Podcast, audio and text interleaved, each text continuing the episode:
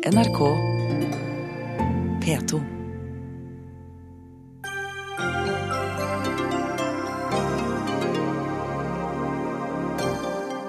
Nei-siden jubler i Storbritannia i dag.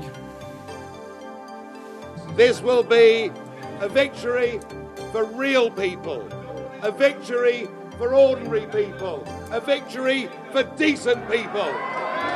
En seier for vanlige folk, for anstendige folk, sa Nigel Farage, leder av uavhengighetspartiet.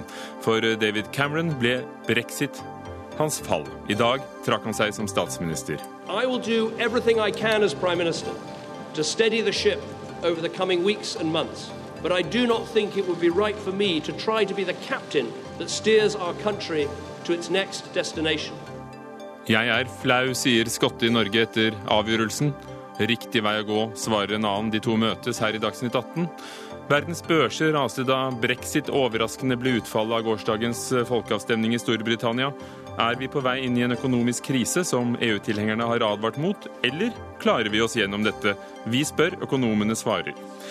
EU har behandlet opinionen bare som bakgrunnsstøy. Brexit er kanskje det sjokket Angela og co. trenger, mener statsviter Asle Toje. Nå kan EU gripe sjansen uten britene, svarer Europabevegelsen. Og vil EU i det hele tatt ha tid til å konsentrere seg om sikkerhetspolitikk og flyktningkrise, nå som de skal til å forhandle med britene?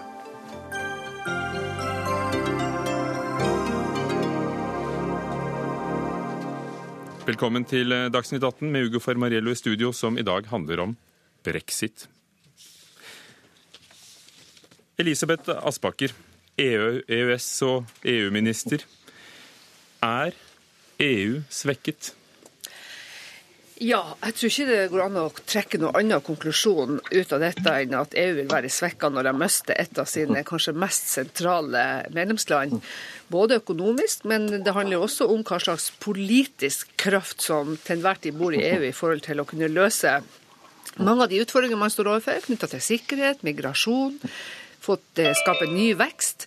Og det er klart at når man nå skal bruke masse energi på disse utforhandlingsprosessene, så blir det mindre tid igjen til å holde på med det som er det virkelig store og viktige i det politiske prosjektet i EU. Dette skal vi høre mer om i løpet av sendingen, også fra folk som mener noe helt annet. Tore Tollesrud, vår korrespondent i Brussel. Hvordan har reaksjonene vært? De har vært sterke. Folk reagerer med sorg. Det snakkes om at dette er en svart dag for Europa. Samtidig så sier man nå at også EU må forandre seg for å vinne tilbake folkelig oppslutning. Forbundskansler i, Tyskland Angela Merkel eh, sa også nettopp det. Hun uttrykte stor sorg over brexit. Hvilke ord er det hun velger? Jo, hun sier at hun, hun reagerer absolutt med, med, sorg og kaller dette for et slag for Europa. Men så skal vi også legge merke til at Angela Merkel i dag også forsøker å vise lederskap i Europa. Hun er vel kanskje Europas mektigste. Og hun, hun, hun sier at her finnes det ingen raske løsninger. Her må man analysere i ro, ta de rette avgjørelsene. Vi må finne løsninger som er gode for Europas relasjon til Storbritannia. Mens en annen tysker, som da EU-president Martin Schulz, er litt tøffere i kantene og sier at britene nå skal kastes ut av EUs indre marked, slik at de får svi økonomisk for at de velger å forlate EU. Samtidig så har du en mann som Nederlands utenriksminister som advarer mot å, å, å, gjøre noe forhastet. Men han sier at det er ikke business as usual. Nå må vi lytte til, til folkets bekymring. Hvilke andre og annerledes reaksjoner er det kommet fra statsledere i EU? Ja, De fleste beklager jo i høyeste grad dette her, men innser også at, de, at det må bli selvransakelse i EU. At man må, må, at man må se på hvor, hva som er årsaken til at engelskmennene, britene, valgte å gjøre det de gjorde. En mann som statsminister i Italia, Matteo Renzi, sier f.eks. at EU må bli mer, mer humant. Så det ligger an til at man også får en intern debatt i EU om hvordan man skal endre og reformere, reformere EU framover. Takk skal du ha, Tore Tollersrud, korrespondent i Brussel. Espen Aas, du står midt der hvor det hele har skjedd i dag. Storbritannia vil altså skilles fra EU. Et stort spørsmål. Hvem blir Storbritannias neste statsminister? Ja, og et tilleggsspørsmål vil jo selvsagt være hvordan er det vedkommende skal uh, velges? Én ting er nå at statsminister David Cameron har sagt at han skal gå av innen landsmøtet som begynner 1.10, og der en ny leder skal velges. Men er det like greit at vedkommende blir statsminister, eller vil det komme krav om at det blir skrevet ut et nytt parlamentsvalg? Det kan skje at vi får et nytt parlamentsvalg allerede i høst eller det kan komme tidlig neste år. Men selvsagt, et navn som nå nevnes til stadighet, er jo Boris Johnson, den tidligere borgermesteren her i London. Han har, så vidt jeg vet i dag, allerede begynt å sette sammen et team som skal hjelpe ham i denne valgkampen. Men det er også andre mulige nye ledere i det konservative partiet, deriblant nåværende innenriksminister Theresa May, som også har ansvaret for det meste av justissektoren. Men som det alltid også kan skje med slike ledervalg, det kan komme opp navn som ingen har tenkt på på forhånd. Og Boris Johnson det er jo han med den karakteristiske blonde luggen. Han holdt en tale i dag og innkasserte seieren. Og hørtes jo nesten ut som om, som om han var EU-tilhenger. Han sa i hvert fall til dere unge og, og til alle som har stemt for å bli, vi har ikke trukket opp stigen, vi er europeere. Prøver han å, å gjøre alle til laks nå? Jeg tror han også innser det som David Cameron var veldig opptatt av før resultatet var klart, at nå må nasjonen samles. Nå må også partiet samles. Og Det er jo det som har vært det litt interessante med Boris Johnson. Jeg har jo fulgt ham ganske tett nå i de tre årene og hørt ham tale mange ganger, bl.a. på tre landsmøter hos de konservative. Og han har jo alltid snakket som en europeer. Han har jo til og med fleipet med da han var borgermester at han var den som hadde flest franskmenn under seg som borgermester, med henvisning til alle franskmennene som har innvandret hit til London. Men da han var journalist, da han var Brussel-korrespondent for The Daily Telegraph, så var det mange kritiske artikler. Og han har gjort mye narr av EU i tiden etterpå, men det var også mange som ble overrasket den gangen han valgte å gå til ut av EU-siden, da det konservative partiet gjorde seg klare for å ha den avstemningen. Espen Aas, vi hører det syder rundt deg av røde dobbeltdekkere av sorte drosjer som kjører på venstre side av veien. Og de menneskene du har truffet, intervjuet, observert i dag, hva sier de? Altså, London er jo en av de sterkeste ja-byene i hele landet. Eller den sterkeste ja-byen i hele landet. I enkelte bydeler her så var det jo 75% som svarte at de ville bli værende i EU, og kun 25% var imot. De aller fleste jeg har snakket med her i dag, har vært frustrerte, sinte. Noen var til og med gråtkvalt og flau på sitt lands vegne fordi de mente at dette var et valg som folk hadde gjort på helt gale premisser. Dette var egentlig et valg som handlet om avsky for den sittende regjeringen. Dette var et valg som handlet om at folk var imot innvandring, men det handlet veldig lite om EU som sådan. Men en veldig viktig ting med dette valget, som vi også må ta med oss her, det er jo hvordan eh, bl.a. særlig fagbevegelsen og det britiske Arbeiderpartiet tok helt feil av hva grasrota ville. De tok det for gitt at de kom til å følge partiets linje. Bare partiet sa 'stem for fortsatt medlemskap', så gikk det bra. Men det vi har sett ut fra geografien i dag, er jo akkurat det motsatte. Noen av de sterkeste arbeiderklassestedene i England, og også i Wales, sa nei, vi vil ikke være i EU. Og dette klarte aldri de store fagforeningene eller det britiske Arbeiderpartiet å fange opp på forhånd. Takk. Espen Aas, vår mann i London. Øyvind Brattberg, førstelektor ved Universitetet i Oslo, som har fulgt britisk politikk i, i alle de år du har holdt på med dette. Hadde du trodd det ville skje? Det hadde jeg ikke. Det tror jeg det var ganske få av, av observatører som, som, egentlig hadde. Man snakket veldig lenge om, om et, et jevnt løp og, og, uavgjort på meningsmålingene. Men til syvende og sist, da valgdagen kom, så tror jeg de aller fleste av oss forventet et lite skubb i favør av Remain, altså de som ønsket å bli i EU.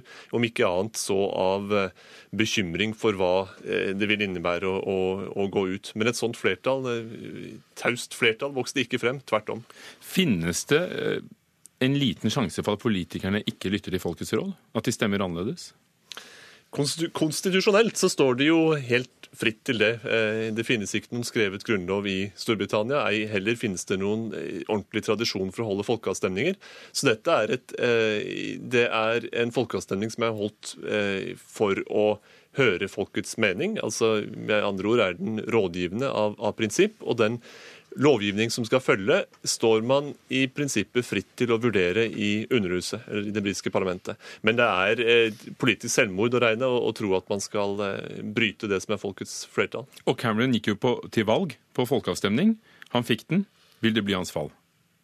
Han er på en måte fanget av sin egen suksess. Det var de færreste som trodde at hans parti skulle vinne flertall alene, og det var en forutsetning for at denne folkeavstemningen skulle bli holdt.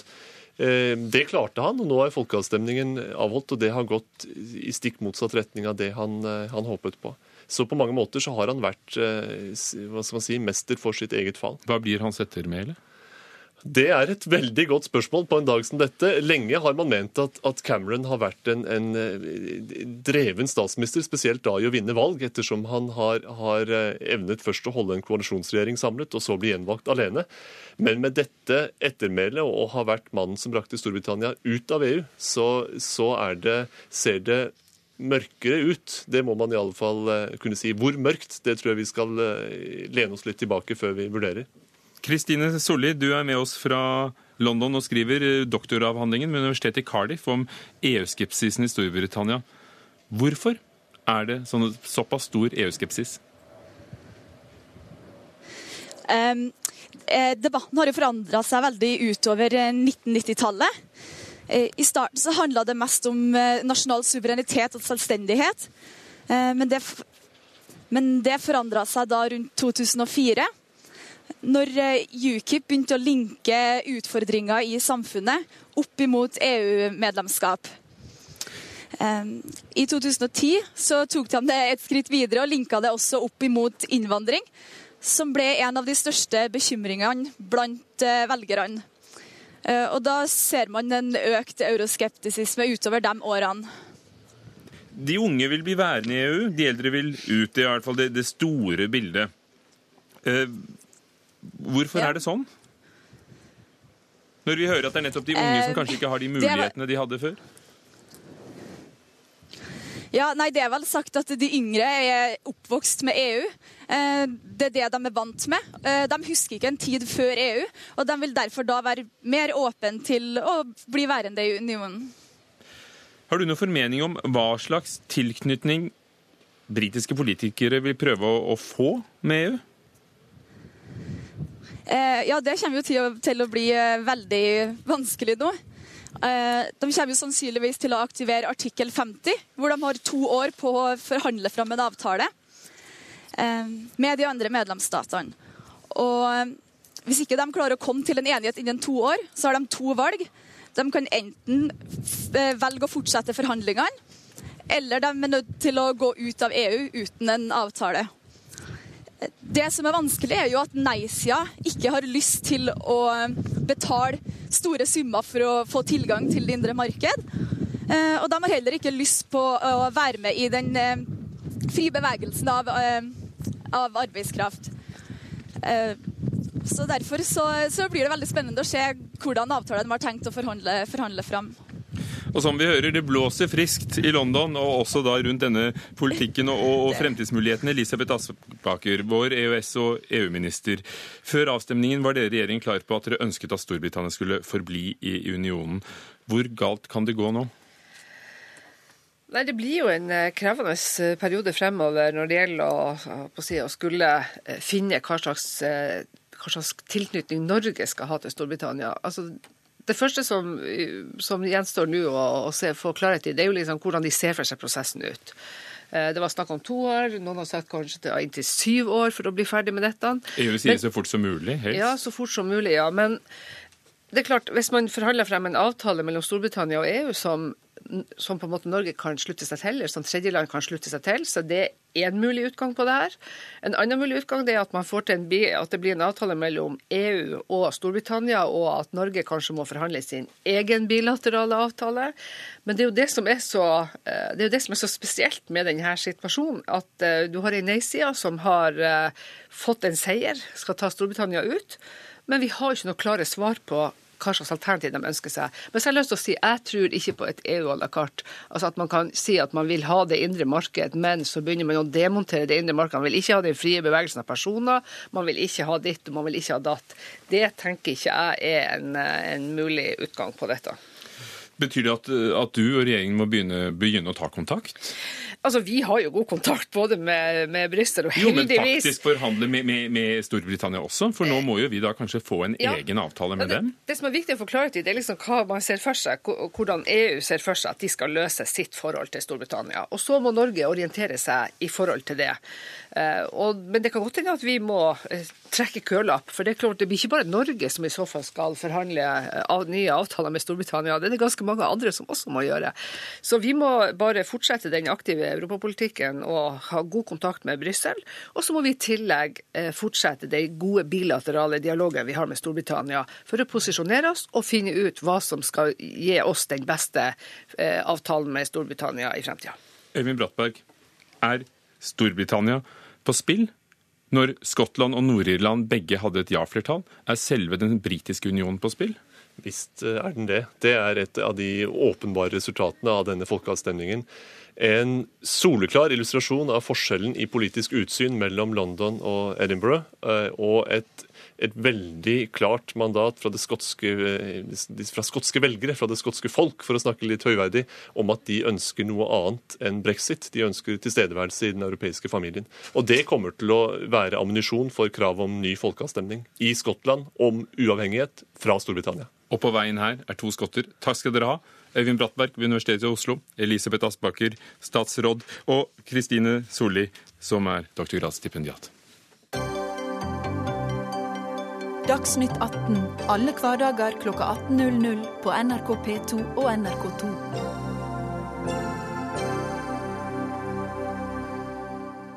Det er fest.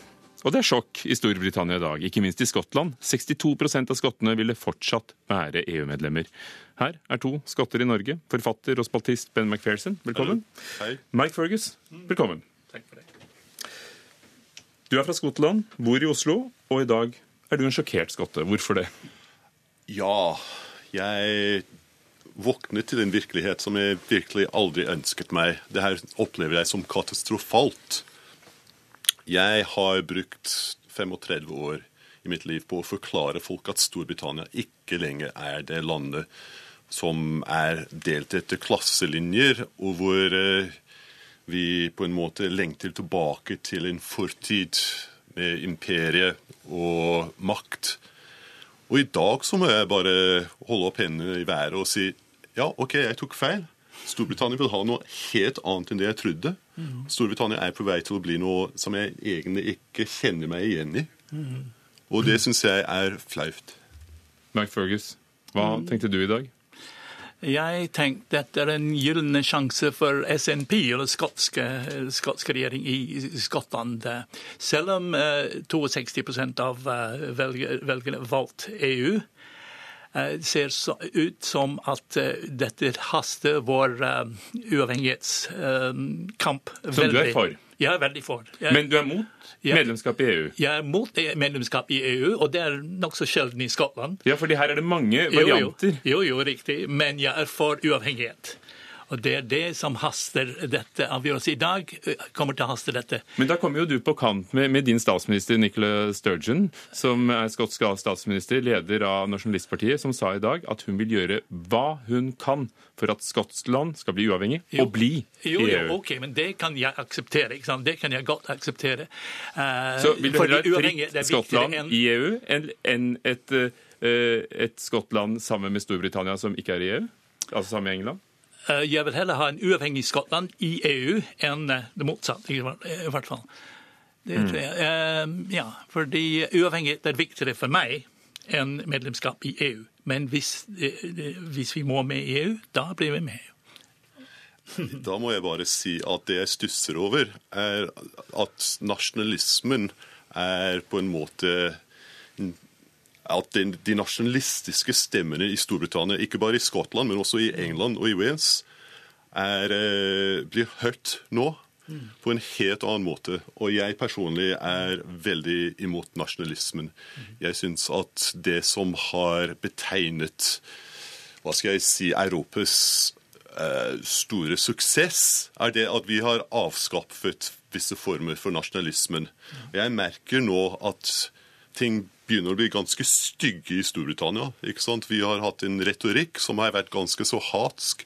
Jeg har venner som ikke har hvit hud, som opplever at de får mer trakassering på gaten. Og jeg snakker om godt utdannede mennesker med gode jobber. Vi har da et land i Storbritannia som er mer delt etter disse tingene nå enn på 35 år. Men, men vil du kunne sett for deg et selvstendig Skottland, men som da kanskje kan være med i EU? Du, jeg sier nei takk til det, og grunnen til det er fordi at jeg er veldig imot nasjonalismen. eh, Uansett om det er sånn kosenasjonalisme, sånn som man får i Skottland. For det er tross alt it's what it says on the tin. The Scottish National Party er tross alt et nasjonalistisk parti som setter nasjonalistiske følelser foran all form for fornuft. Men Det er jeg ikke enig om. eh, Men jeg tror hva vi har sett også i dag, er litt sånn mer eng engelsk nasjonalisme. ikke sant? England er det eneste land i Storbritannia som ikke har egen regjering. Nå har vi regjering i Skottland, vi har en i Nord-Irland og vi har en i Wales. Og jeg tror engelskmenn nå de, Dette er en uttrykk for å ha engelsk litt, litt mer selvrådighet i, i, over sin egen skjebne. Så jeg tror Boris Johnson er en engelsk nasjonalist, og det er også Farage. Så de vil komme opp på samme nivå som Skottland. Jeg tror veldig mange engelskmenn savner en sånn nasjonalparlament. Fordi, fordi for eksempel I Westminster nå kan skotter bestemme over ting som skjer i England. Men i England de kan ikke bestemme over ting som skjer i Skottland. Fordi vi, vi har vår egen regjering i Skottland. og Det har ikke engelskmenn. Og dette har jo skjedd over de siste tiårene. Tiår, ja, men, men, men EU er jo da nasjonalstatenes eh, union, og, og sånn var det skapt. Og de har vetorett. Og, og, og vil ikke nettopp det være en mulighet for å binde nasjonalstatene sammen, men uten at det skal være nasjonalistisk av den grunn? Ja, men når man ser på skotsk nasjonalisme, så ser det som sagt veldig koselig ut. Men jeg er ikke så veldig sikker på at jeg skjønner hva forskjellen er på skotsk og engelsk nasjonalisme. Jeg er oppvokst i Skottland. Jeg hadde engelske foreldre. Jeg ble hatet på skolen pga. aksenten min. Jeg tror ikke Skottland har greid å avskaffe seg den formen for fremmedhat. Jeg tror den er på fremmarsj. Tror dere vi får se en ny avstemning i Skottland for uavhengighet? fra Det tror jeg absolutt. Det tror jeg absolutt. Takk skal dere ha, begge to. Mike Fergus til slutt, og Ben McPherson, forfatter, for at dere kom hit til Dagsnytt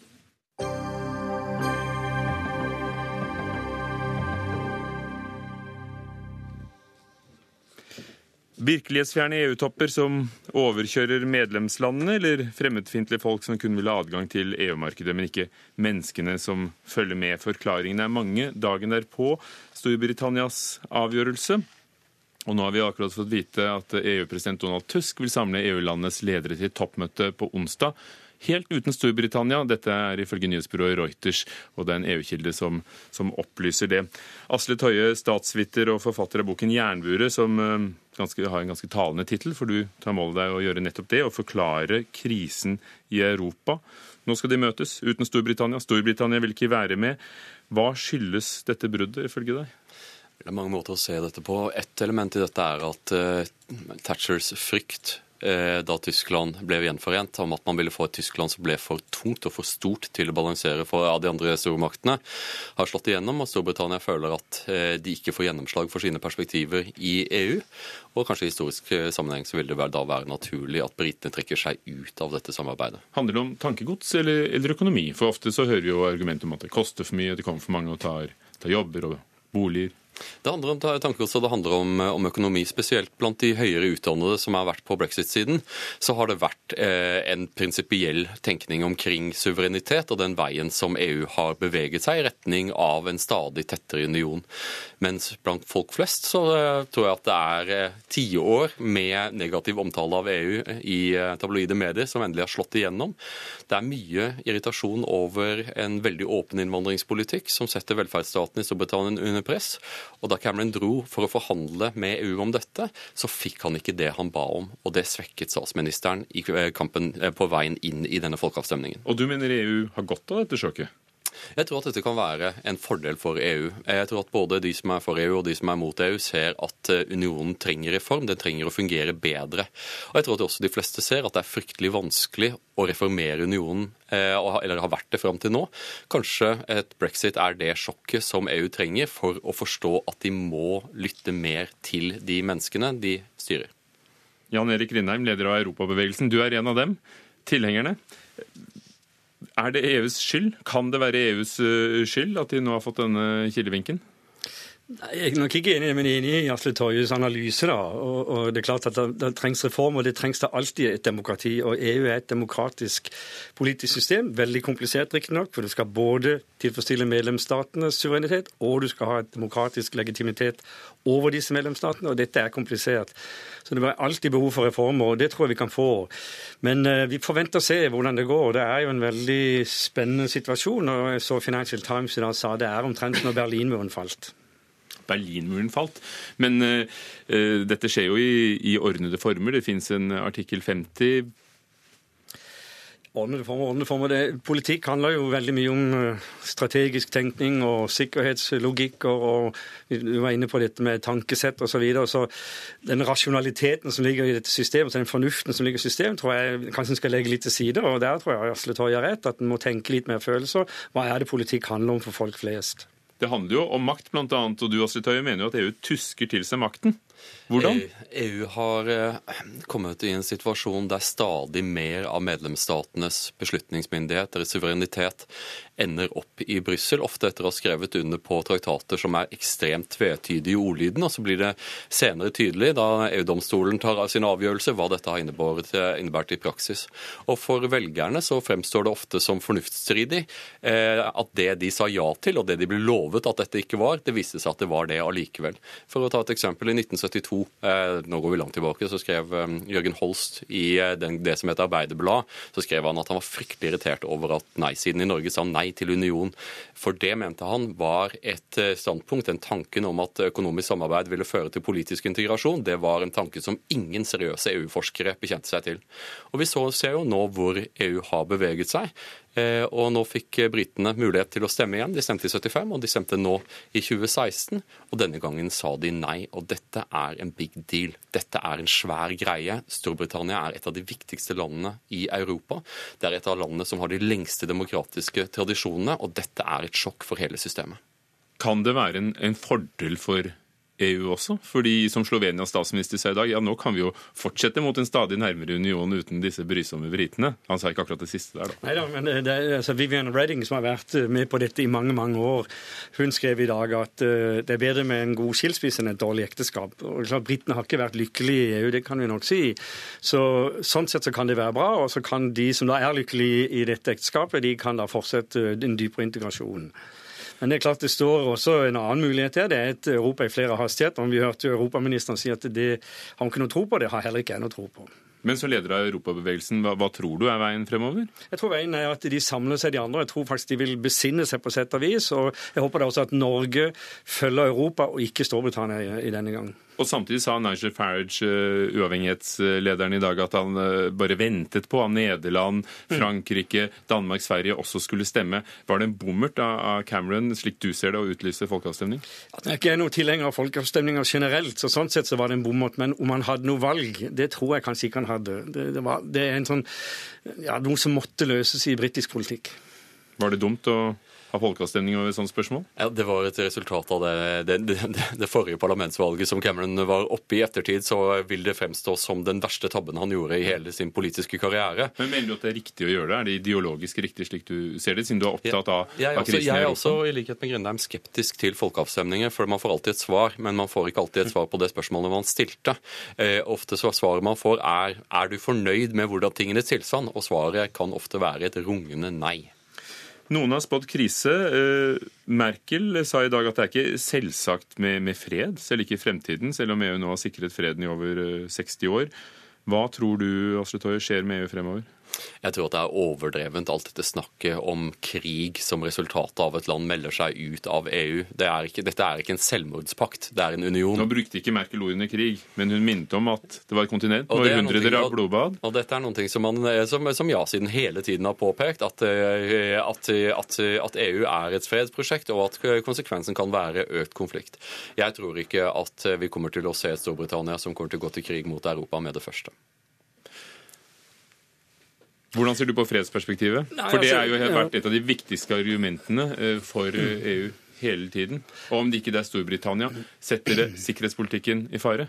Det er nok en, en vanskeligere I dag er det nok ikke så lett for Barack Obama å tenke seg et sterkere, en sterkere europeisk eh, del av Nato. Det er klart Der er det kommet splittelse inn. og Hvis amerikanerne ønsker å vende seg litt bort fra Europa og De har jo gitt mye her, og de har bare fått kjeft for det stort sett. Så det er klart det er ikke dette dagen å, å snakke om det på. Men, men nå er den norske EU-debatten død. Nei, nå er det nå den begynner. For nå må vi passe på at ikke vi tar på syne av Europa, og at vi blir for Det er to land som har forlatt EU, og det er Grønland og Storbritannia. Ja, eh, Jeg tror ikke at det kommer til å komme noen EU-debatt i Norge. Det orker vi ikke nå. Vil vi det er- oss med Storbritannia på forhandlinger. Ja, det, ja, det, det, det, er tenkelig, det, er, det er tenkelig at EØS-avtalen kan, eh, kan ryke pga. at EU ikke ønsker å opprettholde så mange ulike tilknytninger til land som ønsker å stå utenfor. og Det kan føre til at Norge eh, kommer til å få en eh, sterk og pålitelig partner som vi kan forhandle i lag med, og det vil gi oss økt tyngde. Takk. Asle Toje, statsviter og forfatter, og Jan Erik Grindheim, leder av Europabevegelsen.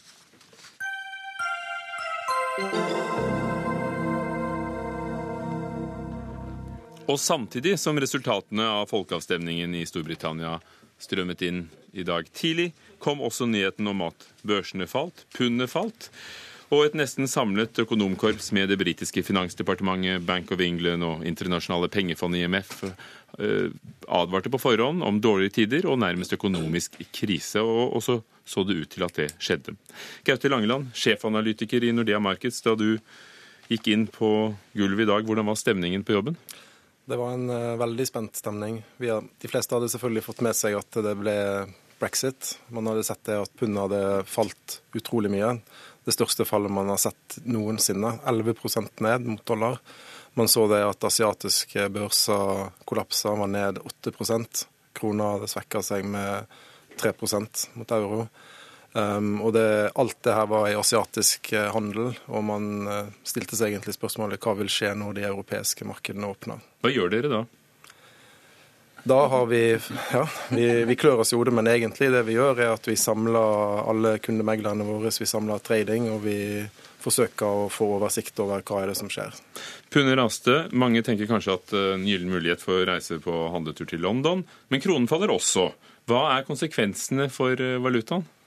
Ja, altså det er klart Pundet faller mest av alt, så krona har jo styrka seg mot pund. Men eh, krona har svekka seg litt, i hvert fall initielt. Og så ser vi det at egentlig så har dagen i dag gått ganske greit. Krona er nå der den var for to dager siden. Så sånn eh, summa summarum så har egentlig markedene håndtert det som skjedde, veldig, veldig bra. For åtte år siden gikk eh, Lehman Brothers konkurs. Det førte til en finanskrise, og børsfallene fikk mange til å lure på om det var det som skjedde nå. Hva tror du, som sitter tett på markedene? Er det finanskrise? Ja, det er jo mange som hadde snakka om at en brexit kunne bli et slags ragnarok i markedene, og trukket parallellen til eh, Lehman. Man har også trukket parallellen til situasjonen rundt Hellas og gjeldskrisen i Europa. Um, og du kan si eh, Fellesnevneren for begge de krisene var en eh, situasjon der banksystemet mista tilgang på finansiering. Altså det tillits, bort, et bortfall av tillit. og kan si at hvis, ja, hvis, hvis brexit skulle bli noe sånt, så fordrer det egentlig at, man får en, at det blir en tilstramning i kredittmarkedene. Um, og det vi ser veldig, altså Relativt til alt det andre så ser vi veldig små utslag. Det som er tydelig, er at eh, sentralbankene har god kontroll på situasjonen. Harald Magnus Andreassen, sjeføkonom i Sederbank. Betyr det krise? Nei, ikke, ikke uten videre. Eh, nå må huske på at eh, Finanskriser det skyldes normalt at noen har lånt altfor mye penger til å investere i ting som ikke gir avkastning. Eh, I de siste årene så har investeringene ikke vært spesielt høye i rike land, og vi har vi har nedbetalt gjeld i privat sektor i forhold til inntektene, ikke bygget opp gjeld. Så finanskrise, det, sånn ut fra normal, eh, hva som normalt skaper det, så er vi ikke der i dag. For å høre med et øyeblikk. Ja. Elisabeth Holvik, eh, sjeføkonom i Sparebank1. Hva tror du? Blir det en langvarig nedtur? Altså, hvis vi går tilbake til 2008, så er jo dette bare en forlengelse av den krisa. For det en gjorde i 2008, det var en overraskende krise, der det ble avslørt at dette var jo en gjeldskrise i eh, vestlig verden. Eh, så har en løst den krisa med å kutte rentene, trykke penger og stimulert økonomiene. I dag så ser en at en får ikke opp veksten. Sant? En har fått en situasjon der det ligger an til en vedvarende svak vekst. Eh, vi blir eldre i Vesten produktivitetsveksten er svak, og gjelda er veldig høy. Men forskjellen fra 2008 det er at alle har jo sittet og, og, og vedda og forberedt seg på brexit. Så det var en kjent risikofaktor. Mens 2008 det var en ren usikker, unknown unknown, som uh, hitta markedet. Hvordan gikk det utover dagen? Ja, Det har jeg sagt allerede. Det startet ille, og det ble ikke fullt så dårlig når dagen var over. Men det er store utslag. altså Pundet har aldri falt så mye noen gang. Eh, Børsene? Ja, børsene også falt, særlig i Sør-Europa. Og, og, det er fordi at man begynner å lure på noe annet. Eh, ta, jeg er kanskje litt uenig i bildet av hvordan, hva som har skjedd i økonomien de siste årene. I, I, Storbritannia så har aldri flere vært i jobb i forhold til befolkningen. Vi har hatt altså en veldig høy sysselsettingsandel. Arbeidsledigheten i Storbritannia er lav. Det har ikke vært spesielt lav vekst i Storbritannia. Det er ikke det som utløser krisen her. Eh, dette er noe annet. Dette er en misnøye blant mange mot det økonomisk-politiske regimet som vi har hatt i Vesten etter annen verdenskrig. Faren nå det er ikke at vi ikke klarer å få en ordnet utgang av Storbritannia fra EU. Det er håndterbart. Det tar noen år, det kan noen si tar ti år å forhandle fram nye avtaler. Men det er ikke slik at verken europeerne eller, eller britene eh, da ønsker å kutte alle bånd og ikke handle med hverandre. Risiko nå er noe helt annet. Det er at andre land i Europa vil følge etter og si vi vil heller ikke være med i EU. Det er sterk motstand mot EU i, i hvert fall deler av befolkningen i Nederland. Vi ser det i Frankrike, og vi ser det i, i Italia, noe også i Tyskland. Så det er den politiske krisen ja, du er bekymret for? Ja, ja nær sagt selvfølgelig. Det er, så saken er at Vi kan lage et bilde hvor dominobrikkene begynner å falle hvor eh, populistiske bevegelser får oppslutning om å trekke land ut av EU, og forlater Frankrike og til og med kanskje også bare Nederland ut av EU, så er ikke EU der lenger. Og det er heller ikke ECB der, eller euroen er borte. Vi skal reetablere nasjonale banker sentralbanker i Europa, nasjonale valutaer, eh, opprette, altså skrive om igjen alle forhold, relasjoner mellom landene i Europa. Det vil være en usedvanlig tung prosess. Og Vi ser nå at markedene begynner å snuse på den risken ved at de som da handler eller tar, kjøper statsobligasjoner i Sør-Europa, krever en høyere rente enn de gjorde i går. Halvik. Altså, jeg er jo helt enig at dette er et stort strukturelt problem, eh, men vi har ikke løst det som skjedde i 2008. Vi er fortsatt i den krisa. Og den krisa handler jo om at en i Europa har kun én beslutningsdyktig aktør, og det er sentralbanken. Og en istedenfor å ta tak i strukturelle problem, som, som har gjort at en har hatt svak vekst, en har hatt lite produktivitetsvekst, så har en løst problemet ved å uh, spy penger ut i markedet og sette rentene kraftig ned. Og da utsetter en problemet, og så skaper en inflasjon som gjør gjør at de som har aksjer og eiendom, blir veldig rike. Mens eh, de som er nederst, de har opplevd at jobbene blir flytta ut. De mister jobben, og de må konkurrere med en, en, en type fri innvandring i det indre markedet. Replikk til deg også, Langeland.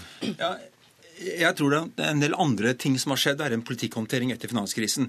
Finanskrisen er en del av det, og vi har hatt en svakere vekst enn normalt i årene etter, i årene etter finanskrisen. Men arbeidsledigheten faller nå i så å si alle europeiske land. I Tyskland har den laveste ledigheten på 30-40 år, og det har aldri vært større mangel på arbeidskraft. Men, og vi ser det til USA, så er arbeidsledigheten nå langt under normale, og lønnsveksten begynner å komme opp. Men fortsatt så er det oppslutning om politikere som vil velte det etablerte politiske regimet. Trump, også delvis uh, Sanders i USA. Og det, det, vi nå ser, det er at det er større motstand mot den, de institusjonene, den, de, de, den måten å organisere samfunnet på, som har gitt i gjennomsnitt en enorm velstandsforbedring i verden uh, etter annen verdenskrig. Det er risikoen. Ja, altså, jeg, jeg, er egentlig litt enig med, med begge to her. Altså, jeg tror det som, det som, har skjedd de siste 20 åra, er at man har hatt vekst i verden, men altså, velstandsøkningen har ikke vært fordelt likt. Vi har fått stor ulikhet, og det gir en grobunn til stor misnøye egentlig blant breie lag av befolkningen. og Det er brexit et symptom på, og det kan få andre symptomer. Og Hvem kommer til å ta støyten nå av disse avgjørelsene som blir tatt, på tross av da kanskje at sysselsettingen er høyere enn den har vært? og Hvis du får en, eh, altså Jeg tror jo dette kommer til å gå greit. Alle er jo interessert i at en skal få til en eh, handelsavtale mellom eh, England og, og Europa, og det samme for Norge. Alle vil jo gjerne ha frihandel, for det er det som skap, har skapt vekst etter andre verdenskrig. Problemet er at stadig flere land legger små hindringer i veien. Det er økende proteksjonisme. En ser at handelen faller. Og da er, da er den vekstmodellen vi har hatt, den er ustabil. Og Det er jo det som begynner nå å gå opp for mange vanlige folk, at de har faktisk tapt på den vekstmodellen som vi alle har tatt for gitt etter andre verdenskrig. Og så får du en motstand mot eliten som bare fortsetter å, med mer av det samme. Enda lavere rente, mer penger ut i markedet. Sant? Vi må ha enda mer integrasjon. Eh, politisk union er jo liksom løsningen nå fra mange.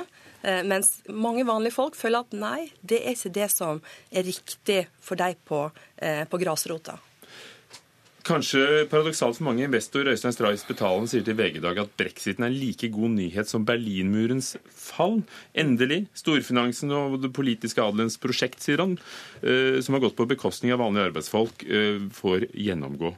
Hva sier du, Harald Magnus Andreassen? Jeg syns det er en helt håpløs beskrivelse av det europeiske prosjektet etter annen verdenskrig. Det er, helt, det er, en helt, feil og jeg tror grunnleggende misforstått uh, oppfatning av hva det europeiske prosjektet har vært. Jeg, og Det betyr ikke at jeg forsvarer alt hva banker har gjort.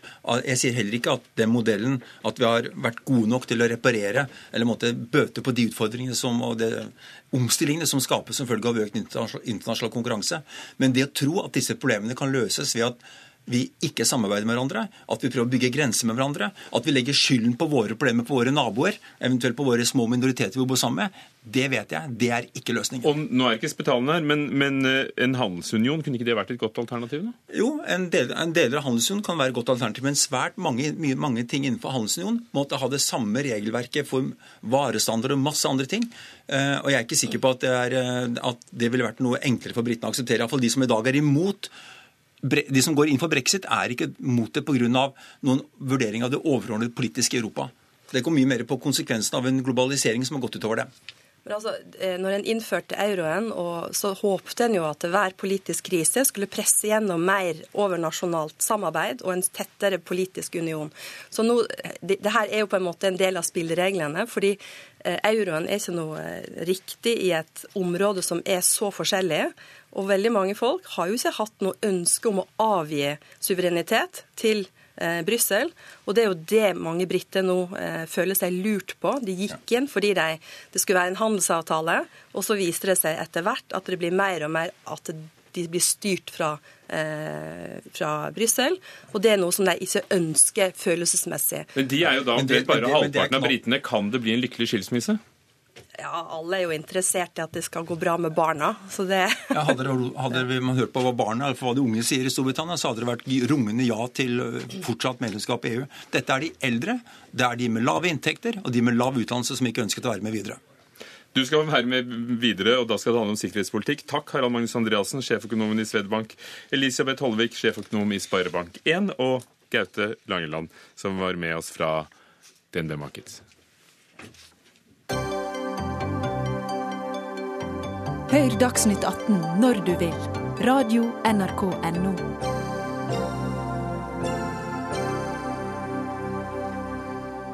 Og da gir jeg til og legger til selvfølgelig at Gaute Langeland er sjefanalytiker i Nordea Markets, så er det sagt.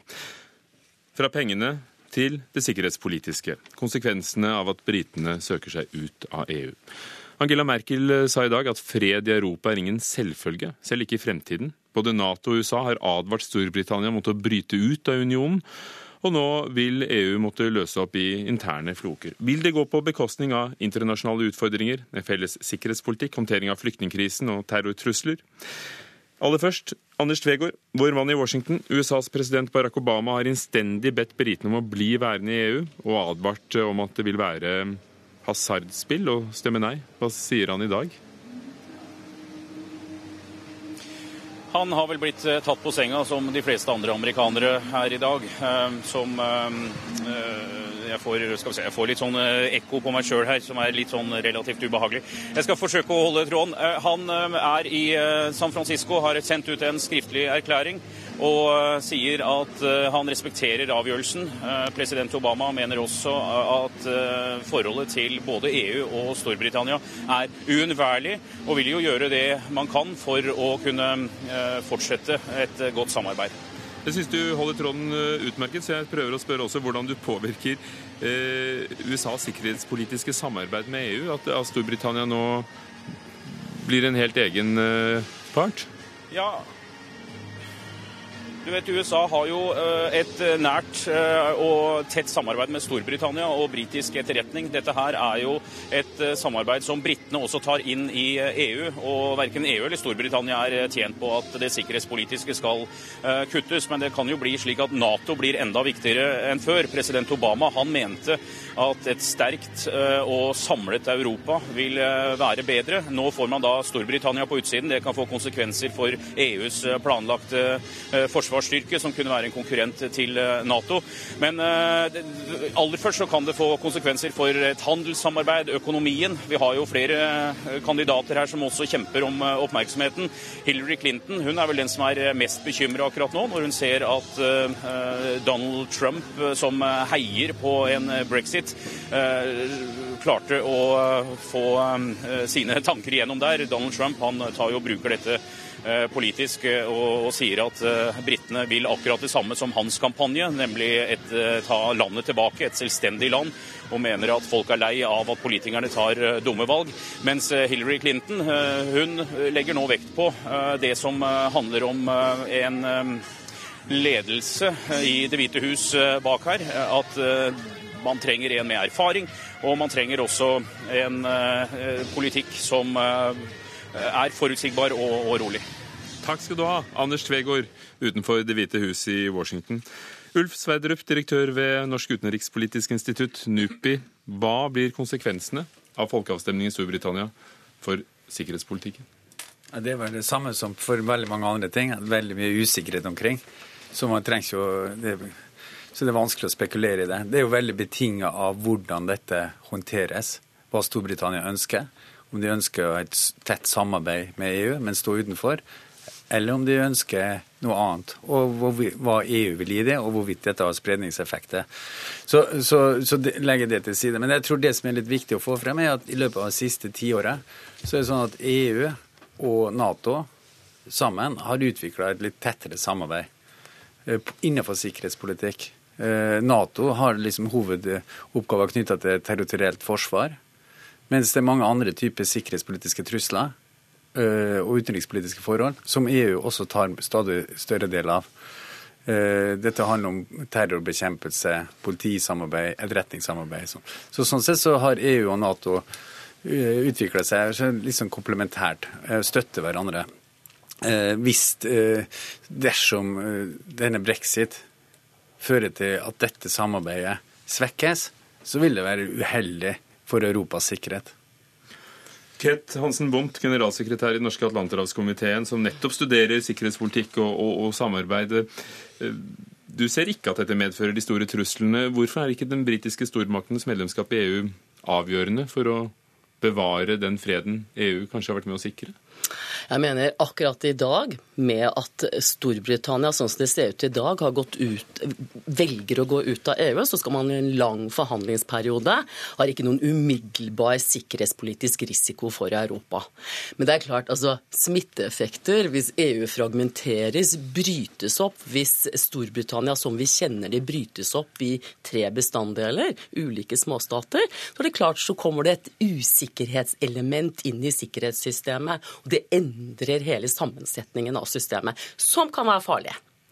Men eh, i dag så altså Storbritannia søker sin sikkerhet i hovedsakelig gjennom Nato. Er en av Natos sterkeste eh, stater. Verdens fjerde største militærmakt. Eh, og har spilt EU gode på sikkerhet ved nettopp å være den tunge militære aktøren man er, sammen med Frankrike. Det kan ta noe av piffen av EU som sikkerhetsaktør vekk den dagen Storbritannia faktisk er ute. Harald Magnus Andreassen, eh, fortsatt sjeføkonom i Swedbank. I VG i dag sier du at brexit i verste fall kan true freden i Europa? Ja, Det var en, en, en, diskusjon som følger av litt av det som er nevnt her også. Eh, vi kan lage et scenario, og i finansmarkedet så lager vi scenario for veldig mye, og så vurderer vi sannsynligheten for de ulike tingene. Eh, du kan lage scenario hvor eh, brexit er den første dominobrikken som faller. Det var ulike argumenter i Storbritannia for å gå ut av EU. En viktig del av det var sammenfallende med argumenter som brukes av Donald Trump i USA, som brukes av Marie Le Pen i Frankrike, Gert Wilders i Nederland og andre. De er alle motstandere av EU. De er ulik grad motstandere av den globale, integrerte verden som vi nå har levd i og har utviklet etter annen verdenskrig. Og de ønsker alle å, å eh, ja, vil, Trump vil ja, ha mindre engasjement i Europa. Og Vi kan lage scenario hvor neste brikke som faller, er Nederland eller Frankrike. Hvor det er på en dårlig dag er flertall mot EU. For du er dypt bekymret, du. Det Nei, skjønte altså, på deg i sted, at, jo, altså, at Europa det, eller EU kan rakne? Altså, Jeg ser at det som nå har skjedd med Storbritannia, det øker sannsynligheten for at EU kan rakne. Hvis enten Nederland eller enda mer hvis det er Frankrike som går ut. Og det er ikke umulig. Det er, det er stor motvilje fra tid til annen i Frankrike. Og vi har politikere i Frankrike som spiller fryktelig hardt på at Frankrike skal gå ut av EU og ut av euro. Og Da er vi i en situasjon hvor Europa da blir disintegrert hvor, hvor øh, euroen blir forlatt, og vi må bygge opp nasjonale sentralbanker og nasjonale valutaer igjen. Hvor vi står altså en, en, en forferdelig oppryddingsprosess etter EU-prosjektet. Jeg kan love, Hvis det er én hovedstad i dag hvor det jubles over utfallet, så er det en hovedstad som ligger et stykke øst for oss, i Moskva. Det er ingen tvil om at Putin hadde, og, og regimet i Russland har sterk interesse av å få pulverisert spredt makten i Europa, slik at ingen står sterkt. Og I tillegg, hvis Trump trekker seg unna, så kan du lage scenarioer på som er, eh, som, er, som er, mer ubehagelig. Og husk på det, altså... La, la oss ta tråden derfra. Ja. Kent Hansen Bundt, er EU svekket? Er dette det Europa Putin ønsker seg? EU er svekket ved at Storbritannia takker nei til uh, integrasjonsprosjektet. Men jeg har lyst til å si at Trump er ennå ikke valgt som amerikansk president. og det er en rekke brikker som skal falle på plass, og jeg tror vi har seriøse, kloke politikere på europeisk banehalvdel, hvorav Angela Merkel i dag sto frem og sa at vi må bruke tid, vi skal tenke oss om, vi skal gjøre dette på en forsvarlig måte. Men så har jeg lyst til å si at euroen som det snakkes om her, og som man setter likhetstegn mellom fred og stabilitet i Europa og opprettholdelsen av euroen. Det har politikerne gjort, det ble gjort her. Eh, det er kanskje ikke riktig. For euroen har vært konfliktskapende.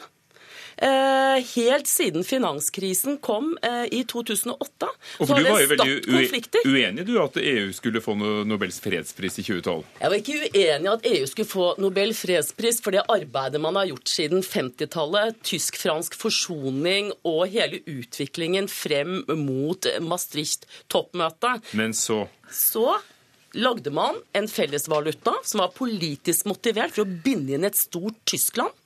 Eh, hvor de deltakende statene ikke hadde like altså konvertible eh, eh, økonomier.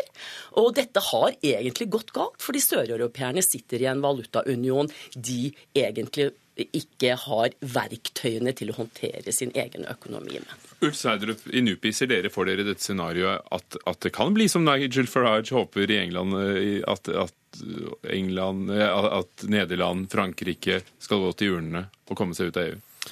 Ikke sikkert at uh at han Eller altså Det er mange som, eh, mange som, mener sånn som i Norge. Du kan være nei til norsk medlemskap i EU, men du er ja til EU. Ikke sant? Det er mange som ønsker at det er et godt samarbeid. Også Storbritannia ønsker at euroen fungerer på en god måte, men bare sier nei takk til seg selv. Ikke sant? Så, eh, men jeg tror, hvis du flytter tilbake til dette sikkerhetsspørsmålet, så hvis du ser litt globalt på det, så er jo et spørsmål hvilken rolle skal Europa ha? Hvilken innflytelse skal Europa ha i verden? Uh, og Der er mange uh, USA en viktig aktør for å forme verden. Kina er en stadig viktigere aktør. Russland ønsker å ta en større rolle.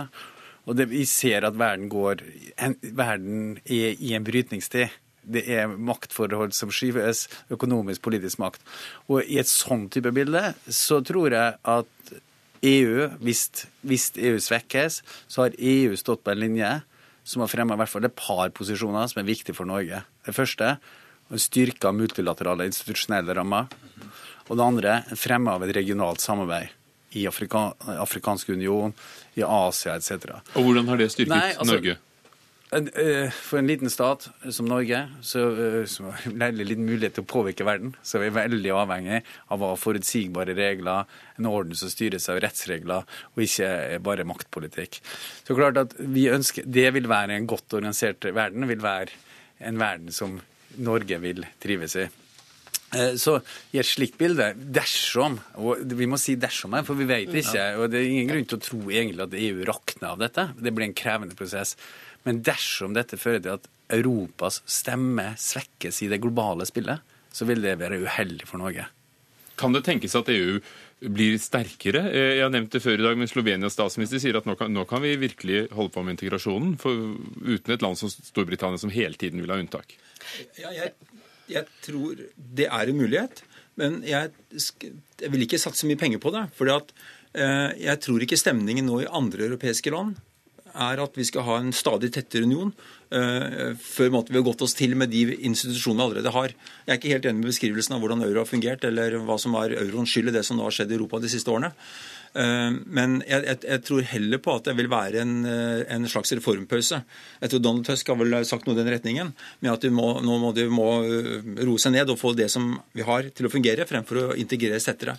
Risikoen er nok heller motsatte. At, eh, at EU blir, eh, blir, eh, får så store utfordringer. Og det kan altså dette, ikke, dette sier jeg ikke er det mest sannsynlig, men det er ikke usannsynlig at, at viktige medlemsland velger å gå ut. Det interessante er jo at Angela Merkel har sammenkalt de seks opprinnelige EU-landene eh, til eh, møte eh, neste uke for å diskutere sånn kjernen i hva europeisk integrasjon kan være, hvor grensene er og hvor langt man kan gå. Og jeg tenker at Storbritannia har jo hele tiden vært på utsiden av både euroen, Schengen, de store prosjektene fra Maastricht-traktaten.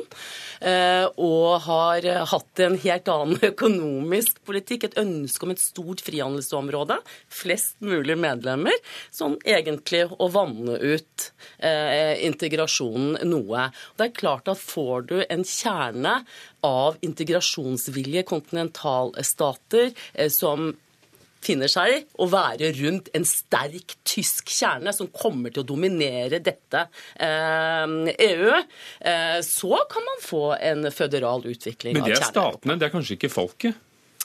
Eller flertallet i Nei, folket? for sånn som vi ser med fremveksten av de politiske partiene som ble tegnet opp her, både i Nederland, Frankrike og også Tyskland har fått sitt alternativ for Deutschland, som er mot innvandring og som er motstander motstandere av euroen, eh, så er det kanskje, og som har fått stor oppslutning, eh, så er det kanskje ikke legitimitet i befolkningen for å gå videre med en tettere, dypere politisk integrasjon nå. Man bør i hvert fall ta en pause. Ulf Sverdrup.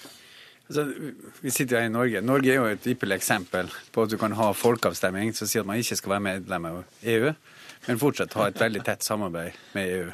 Hvis Storbritannia velger det samme i en eller annen variant, da, eller som Sveits eller et eller annet, så er jo dette land som har veldig tett, veldig intenst samarbeid med EU. Men vil de kunne få til det? For vi betaler ganske mye for å være med i EØS, og i Storbritannia er mye av motviljen nettopp å sende penger til EU. Ja, øh, Penger er sikkert en bit av det. Det lar seg sikkert løse. Så er det spørsmål om eh, migrasjon, og det er sikkert en del tekniske spørsmål. Men grunnideen er jo vil man ha en tett, vil man fortsatt være integrert i markedene, i samfunnet, i samfunnsutviklinga? Hvis man ønsker det, og det er samme posisjon som Norge har tatt, så er jo de aller fleste av disse problemene håndterbare. Eh, også på sikkerhetspolitikk. Norge er ikke med i EU. Norge avgir soldater til EUs operasjoner eh, og kan gjøre den type ting. Det samme kan britene gjøre. Men hvis man tolker dette som at det er ikke bare nei til EU, men nei til integrasjon, da er situasjonen helt annerledes. Og det er din frykt, Andreassen? Ja, det er altså min tolkning av, eh, av eh, veldig mange av de som har stemt for, eh, på brexit. Så er det Vi ser på hva, hva de mener. Det er mot globalisering, mot uh, mange av de tingene som skjer i vår verden nå i dag. Og da kan det være vanskelig for britene å gå inn på en sånn på en norsk løsning som jo innebærer at vi overlater veldig mye beslutning til, til EU og, er, og bare forhandler med dem. Jeg tror eh, hvis eh, Storbritannia kunne fått til en avtale hvor de har fri flyt av tre ting, men ikke arbeidsinnvandring, eh, så vil de nok få en god avtale. Takk skal dere ha. Kate Hansen Bund, Harald Magnus Andreassen og Ulf Sverdrup. Dagsnytt 18 var ved Ida Tune Øresland, Marianne Myhrvold og Ugo Fermarello. Hør flere podkaster på nrk.no podkast.